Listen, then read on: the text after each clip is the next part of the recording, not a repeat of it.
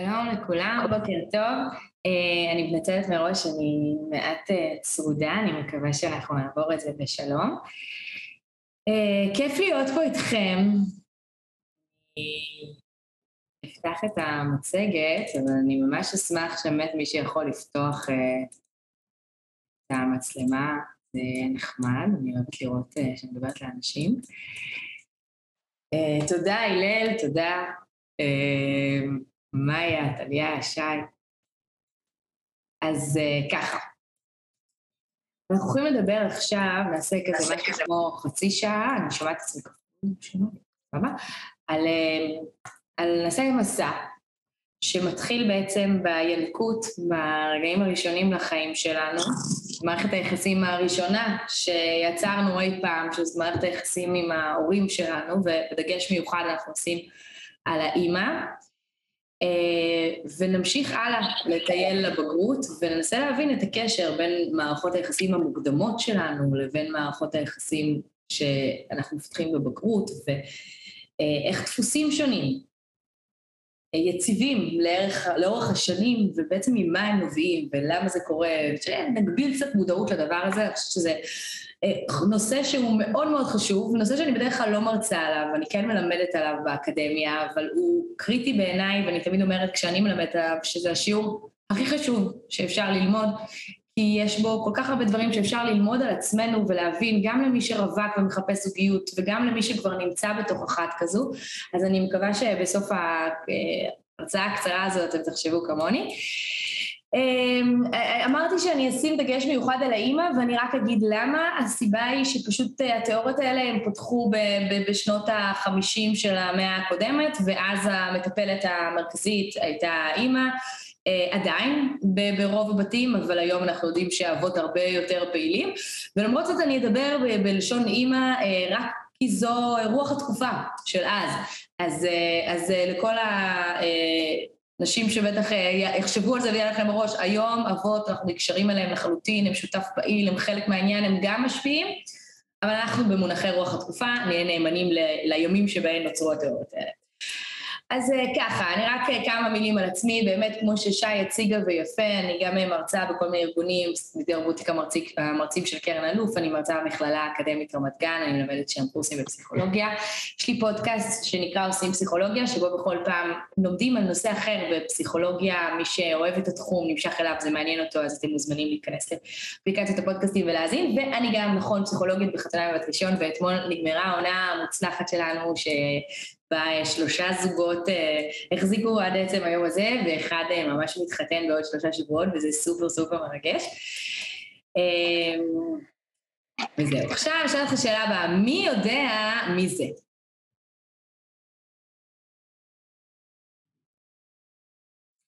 אני לא יודע מי זה. אז תמיד מבחן שאני עושה. נילס, נכון, הלל, נכון. נכון, זה נילס. היי, תמר, אתה אוהבת את הפודקאסט? איזה כיף, תודה. אה, אז אה, נילס, זה נילס אולגרסון, ובדרך כלל החבר'ה הצעירים כבר לא מכירים אותו, אבל כשאני הייתי ילדה נילס היה להיט אמיתי, הוא היה מופיע בטלוויזיה, והסיפור שלנו אה, מתחיל ממנו. נילס הייתה סדרת ילדים, אבל לפני שהיא הייתה סדרת ילדים זה היה ספר של ילדים, וכשהספר הזה נכתב לפני די הרבה זמן, ילד בשם קונרד לורנס קרא את הספר הזה, ונורא נורא התלהב מהסיפור. בסיפור בגדול אתם רואים את הילד הזה, נילס, הוא באיזה כישוף כזה, בגלל שהוא לא התנהג יפה, הופכים אותו להיות גמד, ואז הוא מתחבר עם להקה של אווזי בר, שהאווזה הראשית קוראים לה אכה, היא מנהיגת הלהקה, ונילס ואכה יוצאים יחד עם הלהקה למסעות מסביב לעולם.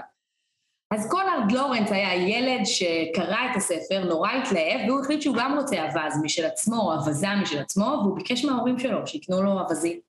וההורים שלו היו זרמנים במיוחד, והחליטו באמת לקנות לו אווזים, ו- וכך היה לו אווזה בבית, והאווזה נכנסה להיריון, וכשהביצים בקעו, אז האדם אה, הראשון שהם ראו היה קונרד לורנס עצמו. האימא לא הייתה באותו זמן באזור, והוא היה. והוא שם לב שהאווזים, יכולים לראות תמונות אמיתיות, פשוט הולכים אחריו, אפרוחי האווז, הולכים אחריו לכל מקום שהוא הלך. כשהוא נכנס למים לשחות הם שחו אחריו, וכשהוא הלך ברגל הם הלכו אחריו, ובעצם הוא הבין שקרה פה משהו נורא מעניין, האווזים האלה, אפרוחי האווז, ברגע שהם נולדו, הם חיפשו איזושהי דמות להתחבר אליה, וזה ממש היה שיטתי שכל פעם שביצים בקעו והאבזה לא הייתה באזור, כשהוא היה באזור הם התחברו אליו. הוא התחיל לעשות כל מיני ניסויים, למשל הוא שם להם רכבת צעצוע, וכשהביצים בקעו הם ראו רכבת צעצוע, ואז הוא ראה שהם מתחילים ללכת אחרי הרכבת לכל מקום אליה היא נוסעת.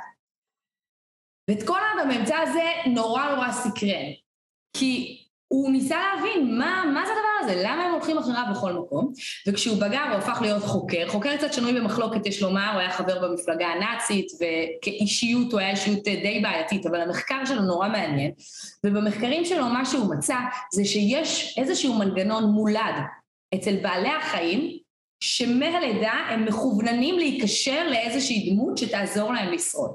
ואצל אפרוחי אהבה זה היה לדמות הראשונה שהולכת. אז אימא שלהם בדרך כלל אותה הם רואים והם נקשרים אליה, אבל גם אליו הם התחברו. והוא עשה מחקרים בכל מיני סוגים של בעלי חיים ומצא, יש לבעלי חיים, ממש בגנטיקה שלהם, כתוב להם, כשאתם נולדים תמצאו דמות להתחבר אליה. ואז חוקרים אה, אחרים, כמו בולבי, שהוא תיאורטיקן מרכזי שנדבר עליו, שאלו את עצמם, מה קורה אצל בני אדם? האם גם אצלנו בני אדם מלידה יש איזשהו צורך בסיסי להתחבר למישהו, גם לנו במנגנון הגנטי שלנו כתוב להתחבר למישהו מיד כשאנחנו נולדים. אז זאת שאלה שהעסיקה את החוקרים והם עשו כל מיני מחקרים, אבל באותה תקופה מחקר מאוד מרכזי נעשה בבתי יתומים.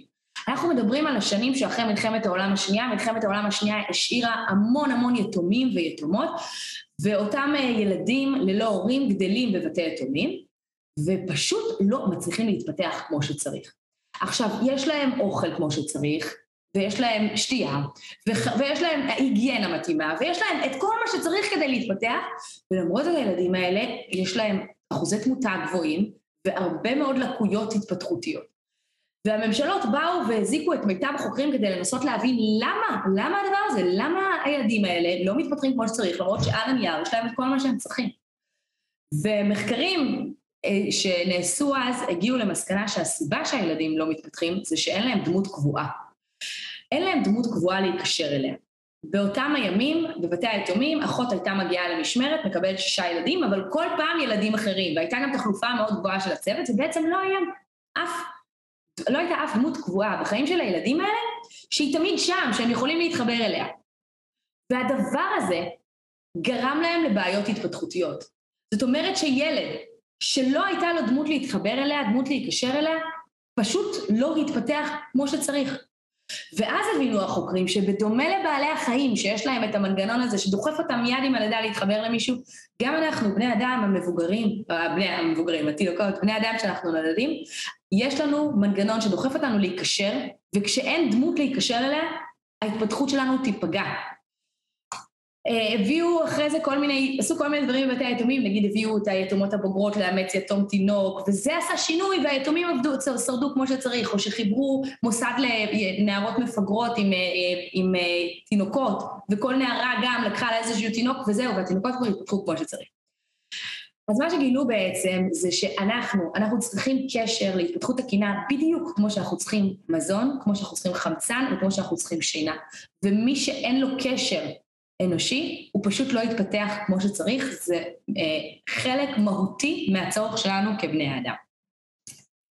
עכשיו, מה שעוד בדקו, וכאן אנחנו מתכוונים יותר לאיך זה נראה גם בבגרות, אה, זה הבולבי, אותו תיאורטיקן, הבין שבאמת אנחנו צריכים קשר, אבל משהו, ומה שהוא מצא זה שכל תינוק מתחבר לדמות, כל עוד יש דמות קבועה, כל תינוק, גם אם הדמות מתעללת, גם אם הדמות דוחה, גם אם הדמות אכזרית, הילד ייקשר אל הדמות הזו, כי זה צורך בסיסי שלנו.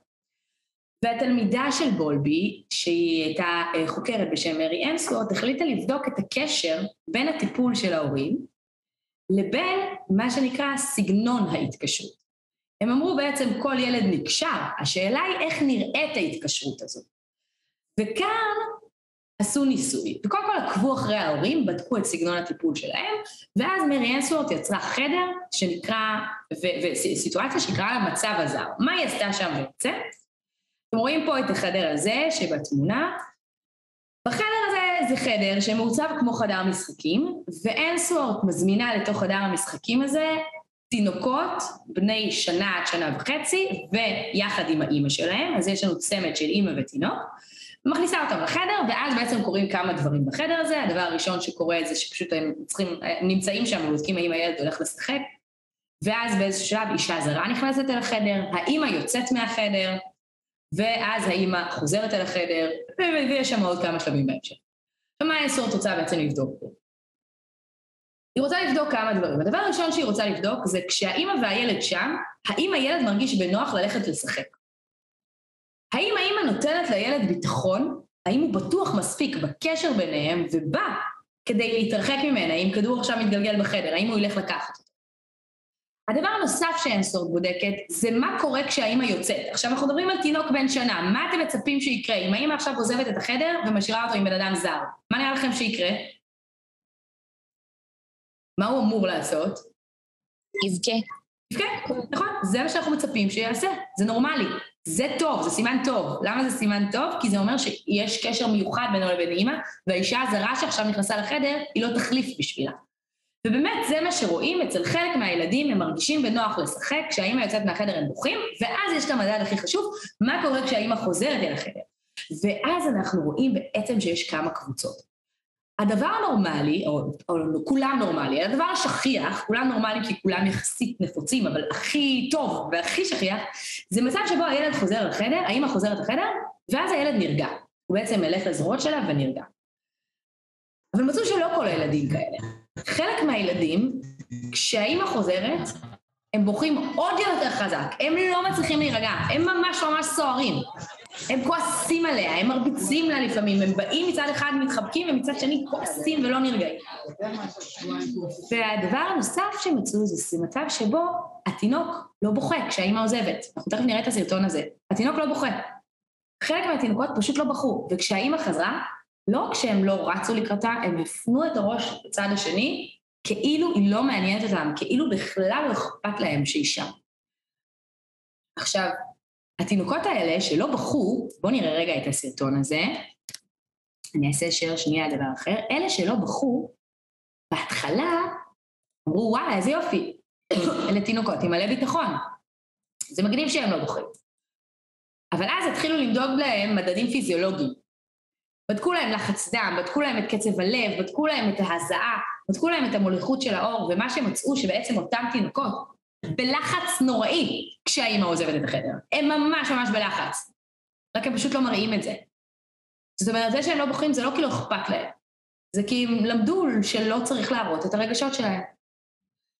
ותכף אנחנו נתעכב על כל, אחת מה, מה, כל אחד מהסוגים האלה ונבין איך זה נראה בבגרות, כי מה שאני אגיד עכשיו זה שסגנון ההתקשרות שלנו בגיל שנה, מה שמצא מרי ונסורד בגיל שנה, שאפשר לאבחן את זה, הוא די יציב לאורך השנים.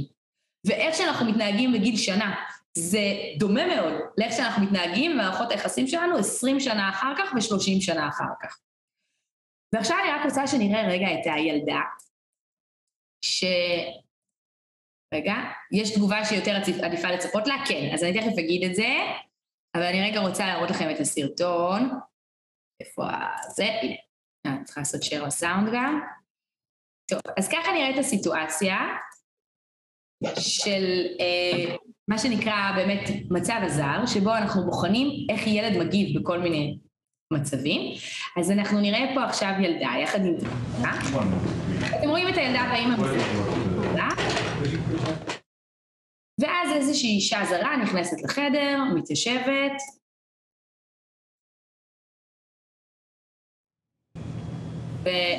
והאישה נכנסת, ועכשיו אני רוצה לעבור לחדר כמה שיותר יותר, כשהאימא עוזבת את החדר. עכשיו האימא עוזבת את החדר, ובואו תסתכלו על הילדה הזאת, מה קורה לה כשהאימא עוזבת את החדר. כלום. לא בוכה, לא מתרגשת, שנה, שנה וחצי, האימא עוזבת את החדר והילדה לא מגיבה בכלל. ועכשיו בואו נראה שהאימא חוזרת לחדר. בואו תראו מה קורה כשהאימא חוזרת לחדר.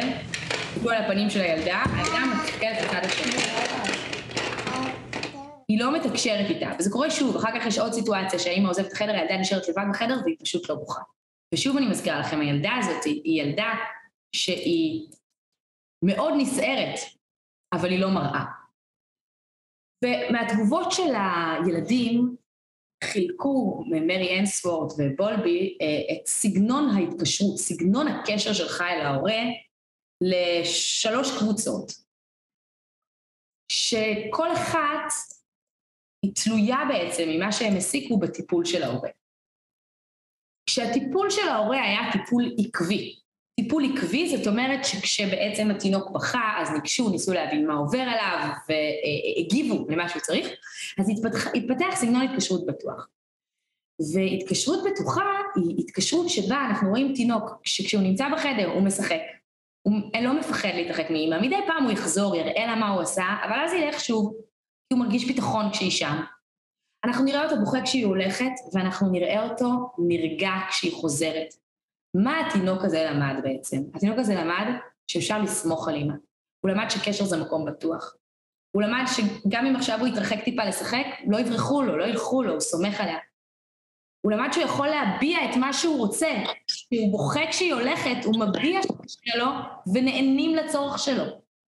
ואת כל הדברים האלה הוא למד על הקשר, והדבר הזה, הביטחון הזה בקשר, מלווה אותו אחר כך הלאה להמשך החיים.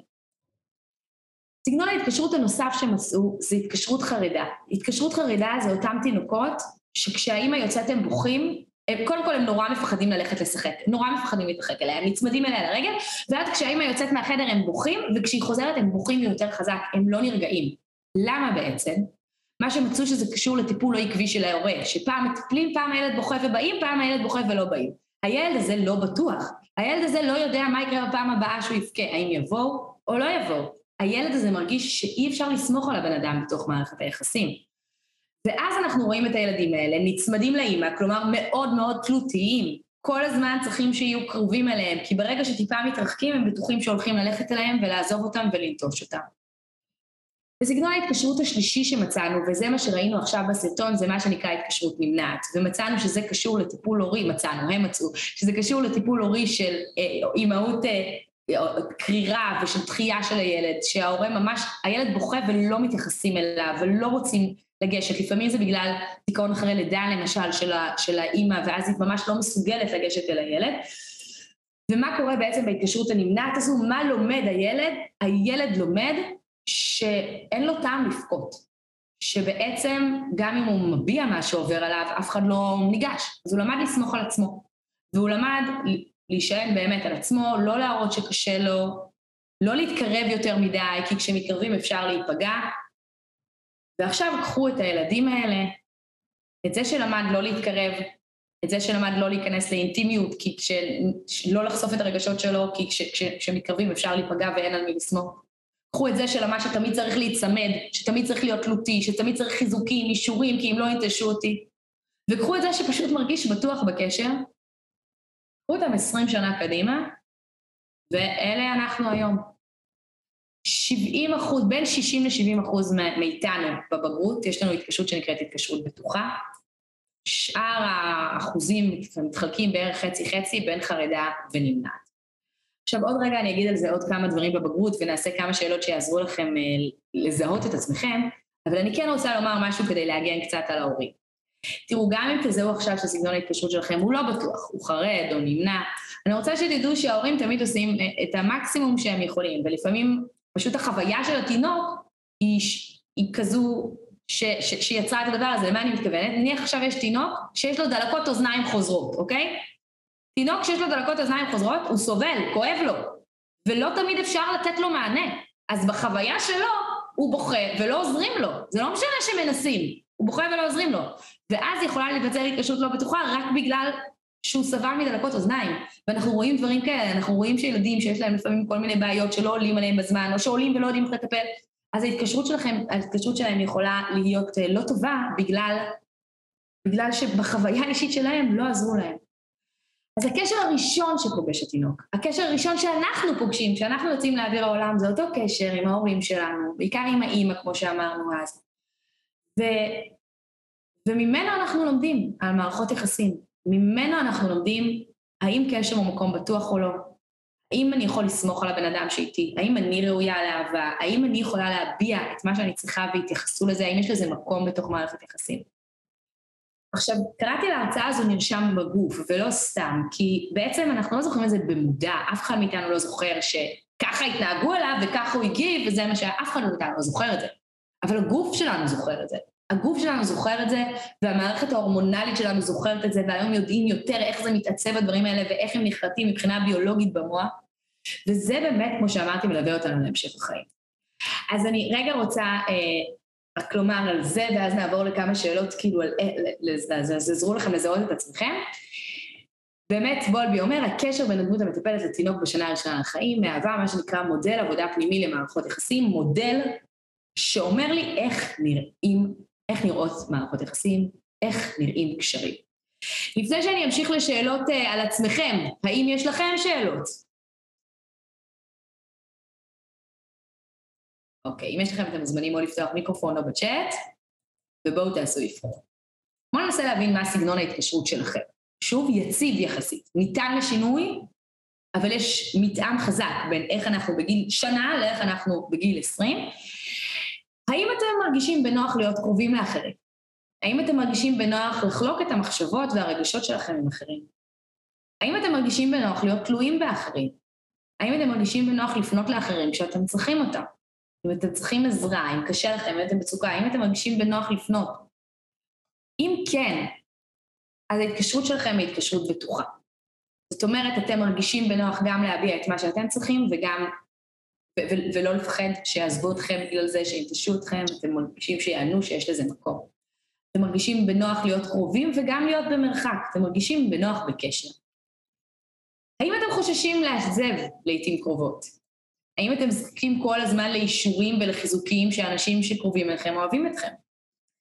האם אתם מרגישים שהצורך שלכם וכל הזמן בחיזוקים ובאישורים לפעמים פוגע במערכות היחסים שלכם? האם אתם דורשים מאנשים יותר קרבה ממה שהם מעוניינים לתת? אם כן, אז סגנון ההתקשרות שלכם זו התקשרות חרדה, שבה באמת זה הילד שבכה יותר חזק כשהאימא חזרה, שפחה להתרחק ממנה, כאלה שמפחדים שיעזבו אותם, אז כל הזמן צריכים חיזוקים, כל הזמן צריכים אישורים, כל הזמן מפחדים להינטש. צריכים רק להיות קרוב, אם נורא מפחדים שאם טיפה מתרחקים, אז, אז יעזבו אותם. והאם אתם מרגישים לא בנוח כשאנשים רוצים להתקרב אליכם יתר על המידה? האם אתם הם, צריכים את הספייס שלכם תמיד? האם אתם מתקשים לפנות לאחרים לנחמה או לעזרה? האם אתם בעצם מאלה שכשקורה להם משהו מסתגרים ולא רוצים לדבר על זה ומתרחקים, וכל פעם שמישהו טיפה מתקרב יותר מדי אז אתם ברוכים? אם כן, אז סגנון ההתקשרות שלכם זה התקשרות נמנעת. עכשיו הדבר הזה, כמו שאמרנו, מלווה אותנו במערכות יחסים גם בבגרות, ואנחנו רואים את זה מאוד מאוד חזק במערכות יחסים בבגרות. מי שנמצא בתוך קשר עם מערכת, מי, ש, מי שנמצא במערכת יחסים עם מישהו בטוח, יראה שאותו אדם בטוח, הוא סומך בתוך קשר, הוא לא מאוד קנאי, יש לו ביטחון בסיסי, הוא מרגיש בנוח גם נגיד לצאת עם חברים וגם להיות ביחד, אין לו בעיה לחשוף את הדברים שעוברים עליו, אין לו בעיה עם אינטימיות. מי שבמערכת יחסים, או מי שהוא אדם חרד, אז אנחנו נראה קנאה יותר גדולה, כי קנאה הרי ממה היא נובעת? מהפחד ש, שיעזבו אותי, מהפחד ש, ש, שילכו לי לטובת מישהו אחר. אז אנחנו נראה יותר קנאה, אנחנו נראה כל הזמן צורך באמת בחיזוקים, כל הזמן צורך שיגידו לי שאני, שנמשכים אליי, שאני יפה, שאני אהובה, שרוצים להיות בקרבתי. כל הזמן זה יהיה גם כאלה של, אתה אוהב אותי, את אוהבת אותי, תגיד לי כמה את אוהבת אותי, תגיד לי את זה. את נמשכת, תגיד לי, אתה רוצה, למה אתה לא מתקשר אליי מספיק? ומי שנמנע זה אלה שלא מתקשרים מספיק, זה אלה של די, תיתנו לי זה, כמה אפשר להיות ביחד, זה אלה שמעדיפים להיות יותר לבד ובנפרד ולהיות, לצאת יותר עם חברים מאשר להיות אחד על אחד, כי האחד על אחד הזה יש בו משהו מאוד מאיים מבחינתם. עכשיו, למרבה האבסורד, בדרך כלל אנשים עם התקשרות חרדה נמשכים לאנשים עם התקשרות נמנעת, ואז נוצר לנו פה איזושהי התנגשות שבו הנמנע רוצה מרחק, ולעומת זאת התלותי מושך. וככל שהתלותי מושך, החרד תלותי מושך יותר חזק, אז הנמנע יותר מתרחק. אבל ככל שהוא מתרחק, התלותי מושך יותר חזק, כי הוא יותר מפחד מהמרחק. ובעצם אנחנו רואים את זה בהרבה דינמיקות זוגיות. ועכשיו אני מקווה שהצלחתם כבר uh, לזהות את עצמכם, ובשלב הזה אני רוצה לבקש מכם להכיר את הדבר הזה, כי כשאנחנו מכירים את זה אז אנחנו יכולים להתנהג קצת אחרת. ובפעם הבאה, אם אתם למשל נכנסים לתוך מערכת יחסים, ולא אמרו לכם שבעת אלפים פעמים ביום שאוהבים אתכם, אוקיי? או שבת הזוג ביקשה לצאת עכשיו עם חברות, או בן הזוג ביקש לצאת עם חברים, לפני שאתם מגיבים מתוך התגובה האינסטינקטיבית שלה, האינטואיטיבית, המהירה שלכם, כזו שבה אתם למשל אומרים, לא, אל תלך, אני רוצה שנהיה ביחד, אני רוצה שנהיה ביחד, כי, כי אתם רוצים את הקרבה כי אתם מפחדים, תעצרו רגע ותשאלו את עצמכם, רגע, מתוך מה אני מגיבה? האם אני מגיבה מתוך הדפוסים שאימצתי כבר מאה שנה, או שאני מגיבה עכשיו בהיגיון? האם יש אפשרות אחרת לתגובה? האם זה שעכשיו היא רוצה לצאת עם חברים, או הוא רוצה לצאת עם חברים, האם זה בהכרח אומר שאני לא חשובה, שלא אוהבים אותי, או שיכול להיות שזה בסך הכל אומר שהם רוצים לצאת עם חברים שלהם? האם זה שהם יוצאים עם חברים זה בהכרח אומר שהם יבגדו? זה דברים שעוברים לחלקנו בראש, ואנחנו צריכים ללמוד איך לפעול לא מתוך סגנון ההתקשרות שלנו. וכשאנחנו מבינים את זה, בעיניי נפתח פתח חדש בכלל בתוך ההתנהלות במערכות יחסים. כי התלותי יודע לתת קצת יותר מרחק, והנמנע לאט לאט לומד קצת יותר להתקרב, ושניהם בעצם הופכים להיות קצת יותר בטוחים בקשר. אז לפעול לא מתוך התגובות האוטומטיות, אלא לעצור, לחשוב, לפרק, לנסות לחשוב על אופציות חלופיות, ורק אז לפעול, וזה הדבר הראשון. אז דיברנו קצת על הדינמיקות הזוגיות שהן אה, כתלות בסגנון ההתקשרות שלך, אני רוצה לדבר על עוד דבר שמשפיע עלינו. אה, אני רואה שאלתם מלא שאלות, רגע. או, רגע. שאלות. אז יש תגובה שיותר עדיפה לצפות בה, אמרנו כן, התקשרות בטוחה, כדאי, שבה התינוק בוכה שהאימא הולכת ונרגע כשהיא חוזרת ומשחק כשהיא באזור. יכול להיות שילוב קשרים בעקבות כמה סיטואציות שונות בילדות, כן. אז אני אגיד שבעבר חילקו באמת לחלוקה כזאת קטגוריאלית, או שאתה בטוח, או שאתה חרד, או שאתה נמנע, והיום אנחנו מדברים על צירים, אם תרצו יש שאלון שבו אפשר לבדוק עד כמה אתה נמנע ועד כמה אתה חרד, מתוך הבנה שאתה לפעמים יכול להיות לצערך גם וגם לצורך העניין, כאילו בסיטואציות מסוימות כזה ובסיטואציות מסוימות כזה, כי קשרים שונים משפיעים עלינו אחרת. ודבר נוסף ששאלו פה זה האם סגנון ההתקשרות יכול להשתנות במהלך השנים. אז כן, סגנון ההתקשרות יכול להשתנות במהלך השנים לטובה ולרעה. זאת אומרת, אם אני עכשיו אה, אה, נכנסת, למשל, נגיד בבית הייתה לי התקשרות שהיא לא בטוחה, ואני נכנסת למערכת יחסים עם אדם בטוח, זה יכול להפוך את ההתקשרות שלי לבטוחה יותר. גם אם היה לי איזו דמות אחרת בטוחה במהלך החיים, איזשהו חבר טוב, חברה, מורה, מישהו. וגם לרעה, זאת אומרת, זה יכול להיות גם אם עכשיו היה לי התקשרות בטוחה בבית, אבל חוויתי חרם בבית ספר, או שחוויתי עכשיו כמה שנים ארוכות של רווקות, שכל פעם מחדש נפגעתי, אז סגנון ההתקשרות גם יכול להשתנות לרעה. אבל האופן שבו סגנון ההתקשרות משתנה זה די מוגבל על ידי ה baseline, זאת אומרת, אם נגיד נדבר על התקשרות שאפס זה הכי גרוע ומאה זה מושלם, זה הכי כאילו טובה שיש, כן? אז הינקות שלנו מכתיבה לנו טווח. יכולה להגיד אנחנו נהיה בנמוכים או אנחנו נהיה בגבוהים, ואז אנחנו יכולים להשתפר בתוכם. אה, אז אפשר לשפר, אפשר לשנות, אבל אה, זה כאילו גם בדרך כלל לא, לא מהקצה עוד שאלות? איך הייתי מגדירה את ההתקשרות של בן מחתונה? זה דברים שאני לא יכולה לענות עליהם, אתם יודעים. אבל תחשבו לבד, הנה שיעורי בית, קחו לכם דמויות. אתם יודעים מי דמויות מאוד מעניינות לזה? גיא ומתן. בואו תחשבו אתם על גיא ומתן, ואני לא אגיד לכם את התשובה, אבל תחשבו מה סגנון ההתקשרות של כל אחד מהם, ואיך זה בא לידי ביטוי בדינמיקה הזוגית ביניהם. וגם, אגב, גם קצת אצל בן ומעיין יש את זה. אה, אוקיי, אז אה, סיימנו לדבר קצת על סגנונות התקשרות ואני רוצה להגיד עוד כמה דרכים שבאמצעותם האהבה שספגנו בבית משפיעה על, על אהבה בוגרת. אה, הדבר הראשון זה שהאהבה שספגנו בבית יצרה איזשהו אלבום של אהבה, יש לנו במוח ממש אלבום שבו מתויגות התמונות של כל האנשים שאהבו אותנו לאורך השנים, ובעיקר בילדות המוקדמת, שאנחנו יודעים שזה הזמן. שהכי משפיע בעצם על, התצבות של האישיות שלנו. אז יש לנו אלבום במוח, ואז כשאנחנו יוצאים לחיים לחפש אהבה, אנחנו יוצאים בדרך כלל עם איזושהי רשימה. אני רוצה בחור או בחורה שיראו כך וכך, ושזאת תהיה ההשכלה שלהם או האינטליגנציה שלהם והערכים שלהם, ו... ואני באה עם כאילו המון המון דברים שאני רוצה, אבל עד הסוף אנחנו בוחרים משהו שלפעמים הוא שונה לחלוטין ממה שרצינו בפועל, כי רוב הבחירות שלנו הן נעשות בכלל ממקום לא מודע. ומה זה המקום הזה? זה שוב, אותם דברים שנצרבו לנו במוח בילד. אנחנו בוחרים דברים שמזכירים לנו בית, דברים שמזכירים לנו את דמויות האהבה שבמהלך החיים פגשנו. ואנחנו לא שמים לב לזה, זאת אומרת, אף אחד מאיתנו לא יגיד על בני הזוג שלו, עד איזה גיל אנחנו מושפעים מסוג ההתקשרות? לעד. אנחנו כל הזמן מושפעים מסוג ההתקשרות. כל הזמן. כאילו, שוב, היא יכולה להשתנות לאורך השנים, אבל זה תמיד משפיע על איך שאנחנו ניגשים בתוך קשרים ובתוך קשרים. גם ברווקות וגם בתוך הזוגיות מאוד מאוד משפיע. אמ, אז ככה, אז הבחירות שלנו בבני זוג הן בסוף נעשות מתוך מקום לא מודע, לא בטוח, אף אחד מאיתנו לא יגיד אני בחרתי בה כי היא מזכירה לי את אימא שלי, או אני בחרתי אותו כי הוא מזכיר לי את אבא שלי, כן, אנחנו לא, אנחנו חושבים שלא, אבל אם חופרים מספיק עמוק מוצאים כל מיני דברים ש, שכן. ויש כל מיני מחקרים שמוכיחים עד כמה אנחנו נמשכים בעצם באופן לא מודע על הדברים שספגנו בבית, ואחד המחקרים הכי יפים הוא מחקר שנעשה דווקא על בעלי חיים. ובמחקר הזה לקחו תיש, וברגע שהוא נולד הפרידו אותו מהאימא הביולוגית שלו, ונתנו לכבשה לגדל אותו, כבשה שעכשיו המליטה, שמו לה גם את התיש הזה והיא גידלה אותו כאילו היה בנה. והתיש בגר, והגיע בעצם לבגרות מינית, ואז החוקרים שאלו את עצמם, אחרי מי התיש הזה הולך לחזר? אחרי עזים, כמו שהוא אמור, שזה תישות, כן? בטבע שלו הוא אמור לחזר אחרי עזים, כי הוא תיש. איזה הנקבה של התיש?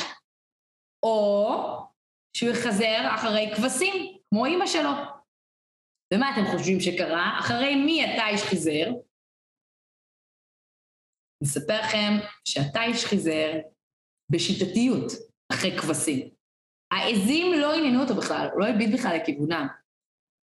מי שאהבה אותו הייתה כבשה, וכשהוא הגיע לבגרות מינית וחיפש, לא יודעת אם אפשר לקרוא לזה אצל תיישים אהבה, אבל חיפש זוגיות, חיפש סקס שם, כן?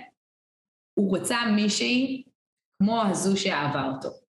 ועשו את המחקר הזה אצל עוד הרבה מאוד בעלי חיים. וכל פעם הפרידו איזשהו בעל חיים מאמו הביולוגית, שמו אותו אצל אימא אחרת, וכשהוא הגיע לבגרות מינית הוא חיפש מישהי להזדווג איתה שהיא דומה מהסוג של אימא שלו ולא מהסוג שלו. וגם אצל בני אדם אנחנו רואים דברים דומים, למשל במחקר נתנו לאנשים לשפוט תמונות, היו שם תמונות של כלות וחמות. ונתנו לאנשים את כל הרשת, אמרו להם, תגידו, מי לדעתכם זוג? מי, מי הכי דומות? וראו שהנשים, בנות שהן כלות והחמות שלהן, סווגו הכי הרבה בתור דומות. וזה כמובן, שוב, לא מודע, אותו דבר מצאו אצל גברים והחמים שלהם. תנו לכם רשימת תמונות אקראית, אני אגיד לכם, מי לדעתכם דומה? מחברים יותר את הגברים, את הבעלים ואת החתנים.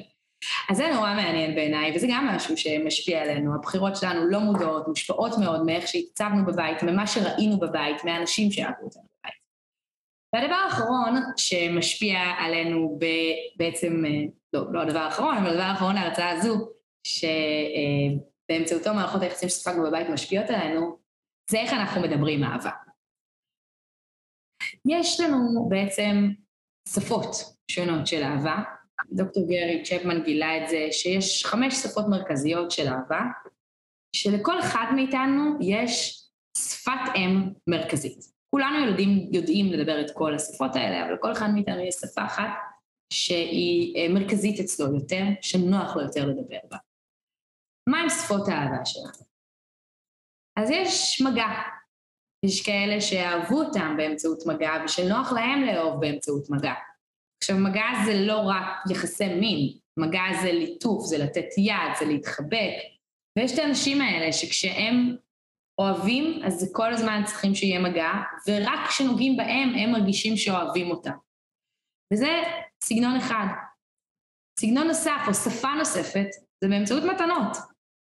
זה נשמע אולי שטחי לחלק מהאנשים, אבל מתנה זו דרך להראות אהבה, וזו דרך מאוד ראשונית להראות אהבה, כי אם תחשבו על ילדים קטנים שהם רוצים להראות לאימא שלהם או לאבא שלהם שהם אוהבים אותם, אז הם הולכים וכותבים פרח בגינה ומביאים להם. או שהם מביאים להם ציור שהם ציירו בגן. זאת מתנה, וזו דרכם להראות אהבה. ו, וגם חלק מהאנשים ככה הם מדברים. כשהם אוהבים הם נותנים מתנות, וכש, וכשהם מקבלים מתנות הם מרגישים נאהבים. תכף נענה לשי. דבר נוסף זה באמצעות מילים. כאלה שאוהבים שאומרים להם, אוהבים להגיד. זה יכול להיות ישירות, אני אוהב אותך, אני אוהבת אותך, אני אוהבת אותך, אני יודע, הכל את זה, כל הוורסיות, וזה יכול להיות גם מחמאות, זה יכול להיות גם מילה כתובה, מכתב, מרחיקי הלכת אה, ליריקה, שירים, כן? אז כל הדרכים האלה זה באמצעות מילים, ויש כאלה שזו לגמרי השפה שלהם. דרך נוספת היא באמצעות זמן איכות. כאלה שאצלם, נגיד אצלי בבית, זה היה ככה. אצלי בבית, ימי הולדת, אף פעם לא היו קונים מתנות. זה תמיד היה זמן משותף של המשפחה. זה תמיד הדרך שבה הם הראו את האהבה. אותנו לא דיברו, לא אמרו, אבל אנחנו ידענו כי תמיד היה לנו זמן משותף יחד, וזה היה מאוד חשוב לכולם במשפחה, וגם אני עכשיו כאימא מוצאת את עצמי כזו. הדבר שהכי חשוב לי בעצם, כשאני רוצה להראות לילדות שלי לתת להם מתנה, אז המתנה זה זמן משותף איתם. אז זו לגמרי נגיד השפה שלי. ויש גם באמצעות מתן שירות, שזה נניח השפה של בעלי, שזה, מתן שירות זה כל מיני שירותים שעושים לבן אדם, זה יכול להיות uh, להאכיל, לגהץ, לתת uh, כוס, להביא כוס תה, הרבה עם הבישול, הרבה הורים עם הבישול מראים אהבה, אתם בטח מכירים את זה, שמגיעים הביתה ומראש ושמים סירים על האש וזה, כדי להראות לך שאוהבים, גם אם אף פעם הם לא אומרים במילים, זאת דרכם. אז יש לנו בעצם חמש שפות, ולמה חשוב שנכיר אותן? חשוב שנכיר אותן כי קורה לפעמים בקשרים שאנשים שונים ידברו עם שפות שונות. וכשאנשים מדברים שפות שונות, כל אחד מהם מרגיש שהשני לא באמת אוהב אותו, או לא מראה לו אהבה, ומפספס אותו שהוא מראה לו, פשוט בשפה אחרת. ואני הכרתי הרבה מאוד זוגות שהגיעו אליי, וברגע שאנחנו מלמדים אותם את הדבר הזה, הם מבינים הם מבינים כמה הם כן הראו אחד לשני, פשוט שכל אחד פספס את השני וזה יצא כזה בלאגן. זאת אומרת, אחד יכול לבוא הביתה ולהגיד, אני אוהב אותך, אבל היא, היא לא רוצה שהוא יגיד לה, היא מכירה אהבה במגע, היא רוצה שהוא יבוא ושהוא יחבק אותה, וכל עוד הוא אומר לה ולא עושה עם זה שום דבר, אז מבחינתה זה חסר משמעות. והוא מהצד השני, הוא מבין אהבה במילים, אבל היא היא מבשלת לו אוכל, וככה היא רוצה להראות לו ש... והוא מפספס את זה. והוא אומר, למה היא לא אומרת לי? זה פשוט לא השפה שלה. ואנחנו רואים את זה באמת בכל מיני סיטואציות, ואת זה חשוב להכיר. יש כאלה שאומרים, אם הוא לא אומר זה לא שווה שום דבר, אם היא לא אומרת זה לא שווה שום דבר, זה לא נכון. יש לנו כל מיני שיטות. אז איך תדעו מהי שפת האהבה שלכם? אני מניחה שכבר מרפרוף על הדבר הזה אתם כנראה כבר יודעים, אבל יש עוד כל מיני דרכים תשאלו את עצמכם למשל, איך ידעתם שההורים שלכם אוהבים אתכם? איך ידעתם? הרי לא כל ההורים אומרים, נכון? אה, רגע, אני אגיד לשקד, כן, שקד נתנה תשובה יפה, שאלה יפה, תכף אני אענה לך. אז זאת דרך ראשונה. דבר שני, איך את, מה אתם מבקשים מבני הזוג שלכם? מה אתם מבקשים? כל אחד, אם יש לכם זוגיות, או תחשבו על מערכות יחסים קודמות שהיו לכם. כל אחד מאיתנו מבקש דברים אחרים. יש כאלה שאומרים, למה אתה לא אומר לי? יש כאלה שאומרים, למה את לא מחבקת אותי מספיק? ויש כאלה שאומרים, למה את לא מתייחסת אליי? תשים את הטלפון בצד, אני רוצה שתהיי איתי. מהבקשה, מהצורך, אנחנו יכולים להבין מהי השפה שלכם. אתם מבקשים שתשימו את הטלפון בצד ותהיו איתי, אז אתם רוצים זמן איכות. אתם מבקשים, תגידו, זה המילים. שתחבקו יותר, זה המגע. ודרך נוספת שהיא בכוכבית, זה באיזו דרך אתם מראים אהבה, והסיבה שהדבר הזה היא בכוכבית זה כי לפעמים אנחנו מראים אהבה לפי מה שאנחנו חושבים שהצד השני רוצה, ולא לפי השפה שלנו, ולכן זה לא בטוח שזאת דרך טובה לגלות. אז אתם שואלים את עצמכם את השאלות האלה, ולאט לאט תגיעו לאיזושהי מסקנה. יכול להיות שיש לכם שתי שפות, יכול להיות גם שאתם דוברים כמה שפות, אבל לכל אחד מאיתנו יש את זו שהיא נוחה לו יותר, קלה לו יותר, טבעית יותר. ושי שאלה פה האם יש שפות שהן מתקשרות בצורה ישירה לסוג של התקשרות, אז התשובה היא לא, אין לכל, לכל ידוע שלנו איזשהו קשר ישיר בין סגנון ההתקשרות שלנו לשפה. ושקד שאלה, יכול להיות ששפת האהבה שלנו תתפתח מתוך צורך שלא היה לנו בילדות. כן, התשובה היא כן, זה לא משהו שכתבתי פה בבירור, אבל הוא בהחלט נכון. זאת אומרת, יכול להיות שדווקא לא אמרו לי שאוהבים אותי, ובגלל זה זה הדבר הכי חשוב לי היום. אני הכי רוצה שיגידו לי שאוהבים אותי, ורק אז אני באמת מרגישה אהובה. ובאופן כללי, מה ששאלת פה עכשיו, שקד, הוא נכון להכל, כי הרבה מתוך מה שיש לנו במערכות יחסים, הוא, הוא נובע מתוך איזשהו צורך לתקן משהו שהיה בילדות. יש משפט שאומר שאנחנו נפצעים בקשר ואנחנו גם נרפאים בקשר. ואנחנו בוחרים בבני זוג בצורה לא מודעת כדי לנסות ולשנות דברים שהיו לנו בעבר. ולפעמים אנחנו נבחר בני זוג שדומים בצורה מחרידה לדברים ששנאנו אצל ההורים שלנו, כדי שאולי הפעם נצליח לתקן, או כאלה שמשחזרים את המערכות היחסים שלנו בבגרות, גם, בינקות, גם אם הן לא היו טובות, בתוך תקווה שנרצה לתקן. וזו הסיבה שהרבה פעמים אנשים שגדלו בבתים שהיה בהם אלימות, נמשכים אחר כך לתוך מערכות יחסים כאלה, או מערכות יחסים מקטינות בבית ואז הם ילכו למערכות יחסים כאלה שוב בבגרות. יש לנו איזושהי תקווה לא מודעת, שאולי הפעם, הפעם אנחנו נצליח לעשות את זה אחרת. אולי הפעם אנחנו נצליח לפצות על מה שלא הצלחתי אז. ואני אגיד עוד משהו אחד רק לפני סיום, על עניין של, של התקשרות, ששאלו פה אם התקשרות יכולה להשתנות, ואמרתי שכן, וזה נכון, אבל אני גם רוצה שתהיו מודעים למשהו. חלק מזה שאנחנו משחזרים דברים בתקווה שנוכל לתקן אותם, זה גורם לנו בעצם גם לשחזר עושים, זאת אומרת, הרי מה התלותי? התלותי נורא מפחד, החרד, הוא נורא מפחד שיעזבו אותו, אז הוא נצמד. ובעצם זה שהוא נצמד, אף אחד לא אוהב שנורא נצמדים אליו, זה נורא מרתיע, שכל היום מבקשים לך אישורים, שכל הזמן רוצים להיות איתך. אז מה שהוא עושה זה שהוא דוחה אחרים בהתנהגות שלו. ואז בעצם אותו אדם חרד שכל כך מפחד שיעזבו אותו, בעצם בקשת החיזוקים ובתלותיות שלו גורם לאנשים להתרחק ממנו ולעזוב אותו, ומשחזר שוב ושוב ושוב את הפחד שלו מתחייה. ואז סגנון ההתקשרות נוטה להישאר יציב בגלל זה, בגלל שהתגובות שלנו משחזרות את הפחדים שלנו, שעל בסיסם נבנה סגנון ההתקשרות,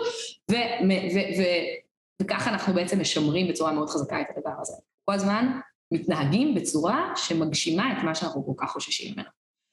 אז זהו, אז אני חושבת שמודעות בעיניי זה הדבר הכי חשוב בשלב הראשוני. תעשו עבודה עכשיו על עצמכם, תנסו לברר טוב טוב מה סגנון ההתקשרות שלכם, יש שאלונים באינטרנט להרחבה קצת יותר. תנסו להבין מהי שפת האהבה שלכם, תנסו לחשוב כשאתם נכנסים לתוך קשר או כשאתם בתוך קשר, איך הדברים האלה פוגשים אתכם, איך הם משפיעים על ההתנהגות שלכם. ואז לנסות לחשוב קצת על אופציות אחרות. משהו עוד לגבי שפות אהבה, לפעמים שואלים, מה קורה אם לבן הזוג שלי אין שפה שלי? הוא אוהב מגע, אני לא אוהבת. הוא אוהב מילים, אני לא אוהבת.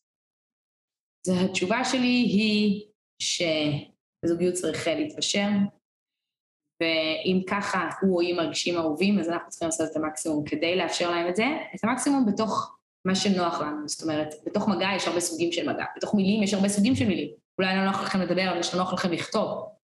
אולי לא נוח לכם לחבק, אבל נוח לכם ללכת יד ביד. אז תמצאו את, ה, את הניבים הקטנים בתוך אותה שפה שתאפשר לכם להראות לבן הזוג או לבת הזוג שלכם את האהבה בדרך שהם יוכלו לקלוט.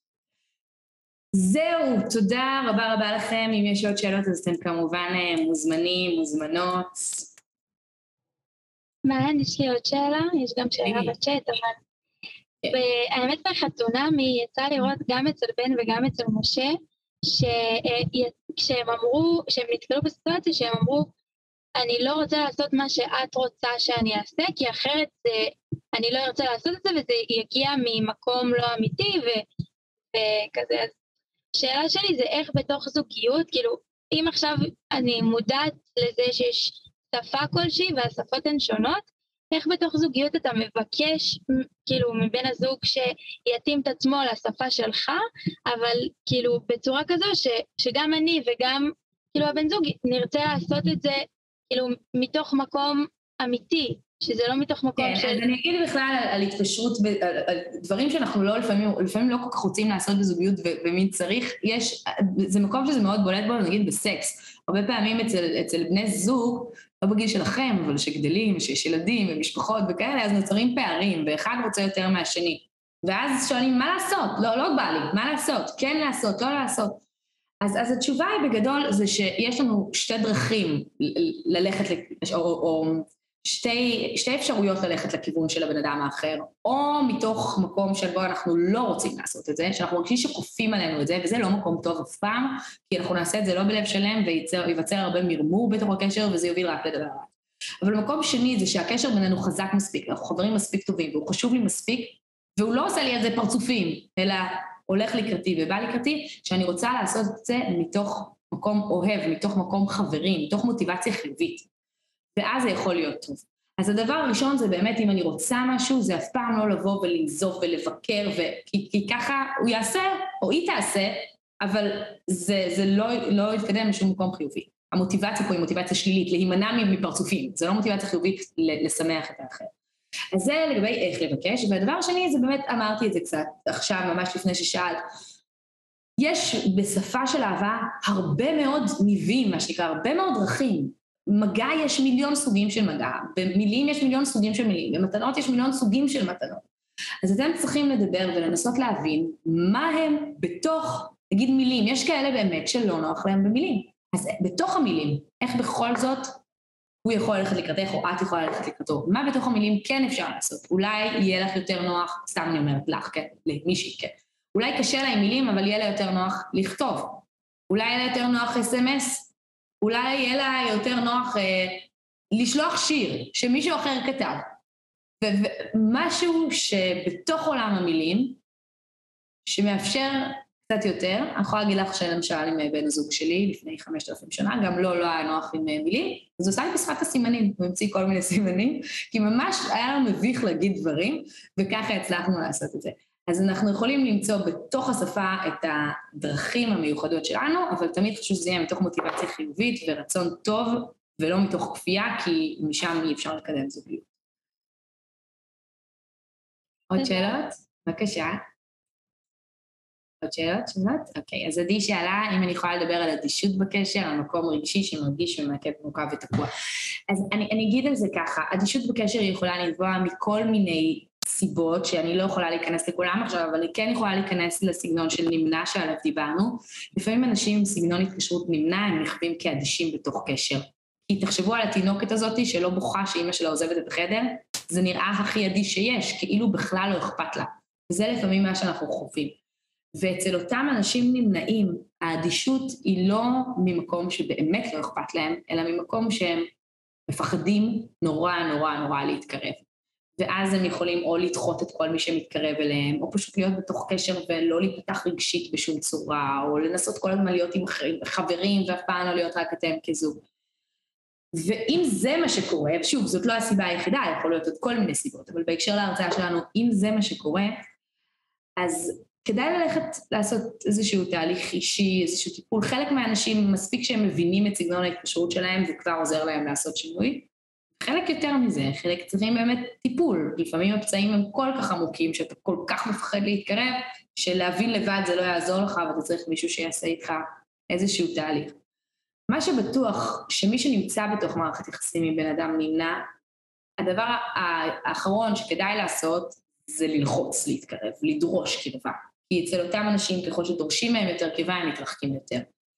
אז זה לא כדאי, וכן, ממש רואים שזאת בעיה, ובעיה חוזרת, וקשרים חוזרים, אז אולי כדאי ללכת לעזרה, לטיפול, לראות איך אפשר לשחרר את התקיעות הזאת. עוד שאלות? טוב, תודה רבה לכם שהשכלתם. איתכם משהו. מעיין, תודה רבה רבה. ממש מרתק, ואת מהממת ואת מדהימה באנרגיות שלך ובהכוונה. אז תודה רבה רבה. תודה. תודה רבה, ראיתי שכתבתם גם בצ'אט, תודה רבה לכם, ושבוע טוב, חזרה נעימה לבסיס. ביי ביי. שבוע טוב, תודה רבה. תודה רבה.